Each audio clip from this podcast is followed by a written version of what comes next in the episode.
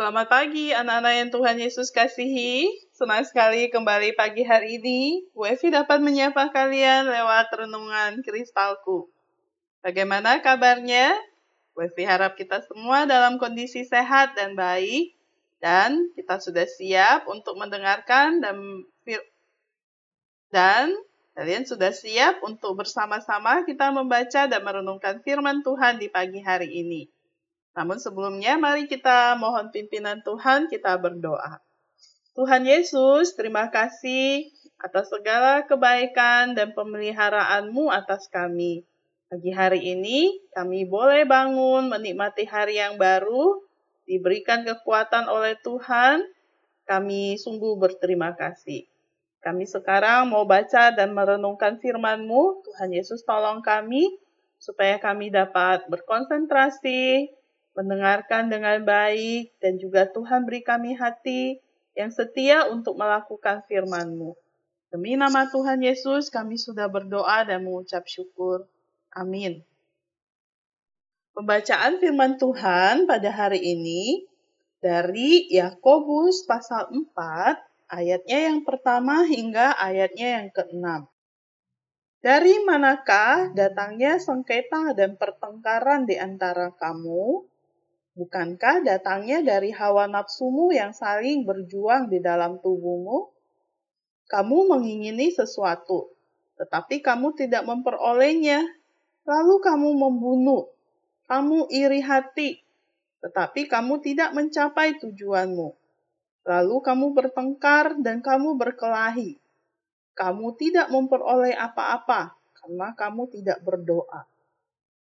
Atau kamu berdoa juga, tetapi kamu tidak menerima apa-apa, karena kamu salah berdoa. Sebab yang kamu minta itu hendak kamu habiskan untuk memuaskan hawa nafsumu. Hai kamu orang-orang yang tidak setia, tidakkah kamu tahu bahwa persahabatan dengan dunia adalah permusuhan dengan Allah? Jadi, barang siapa hendak menjadi sahabat dunia ini, ia menjadikan dirinya musuh Allah. Janganlah kamu menyangka bahwa kitab suci tanpa alasan berkata, roh yang ditempatkan Allah di dalam diri kita diingininya dengan cemburu.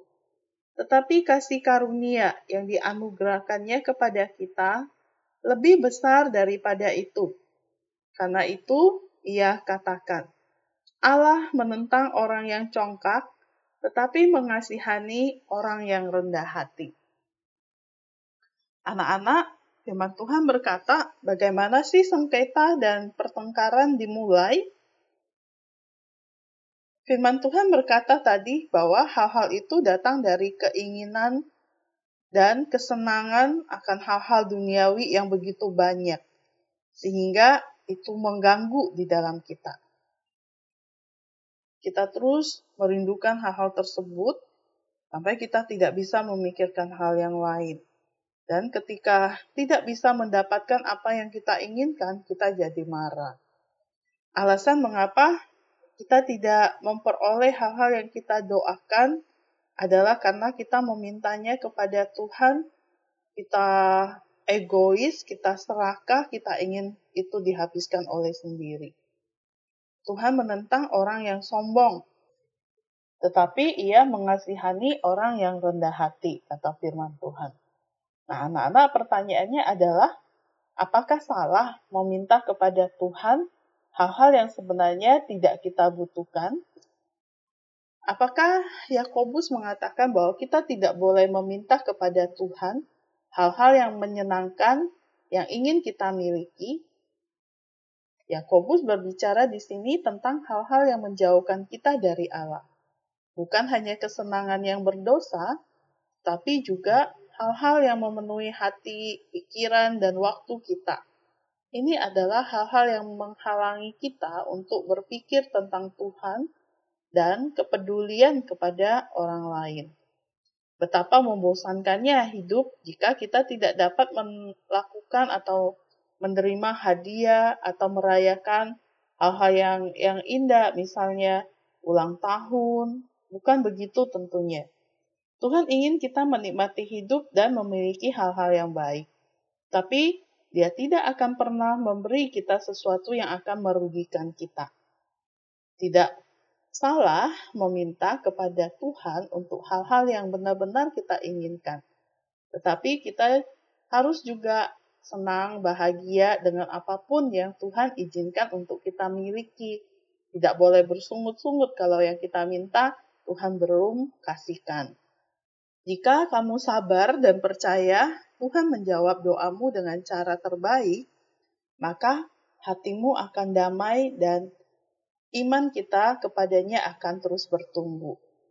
Firman Tuhan bilang di dalam 1 Timotius 6 ayat 6, ibadah yang disertai dengan rasa cukup itu besar keuntungannya.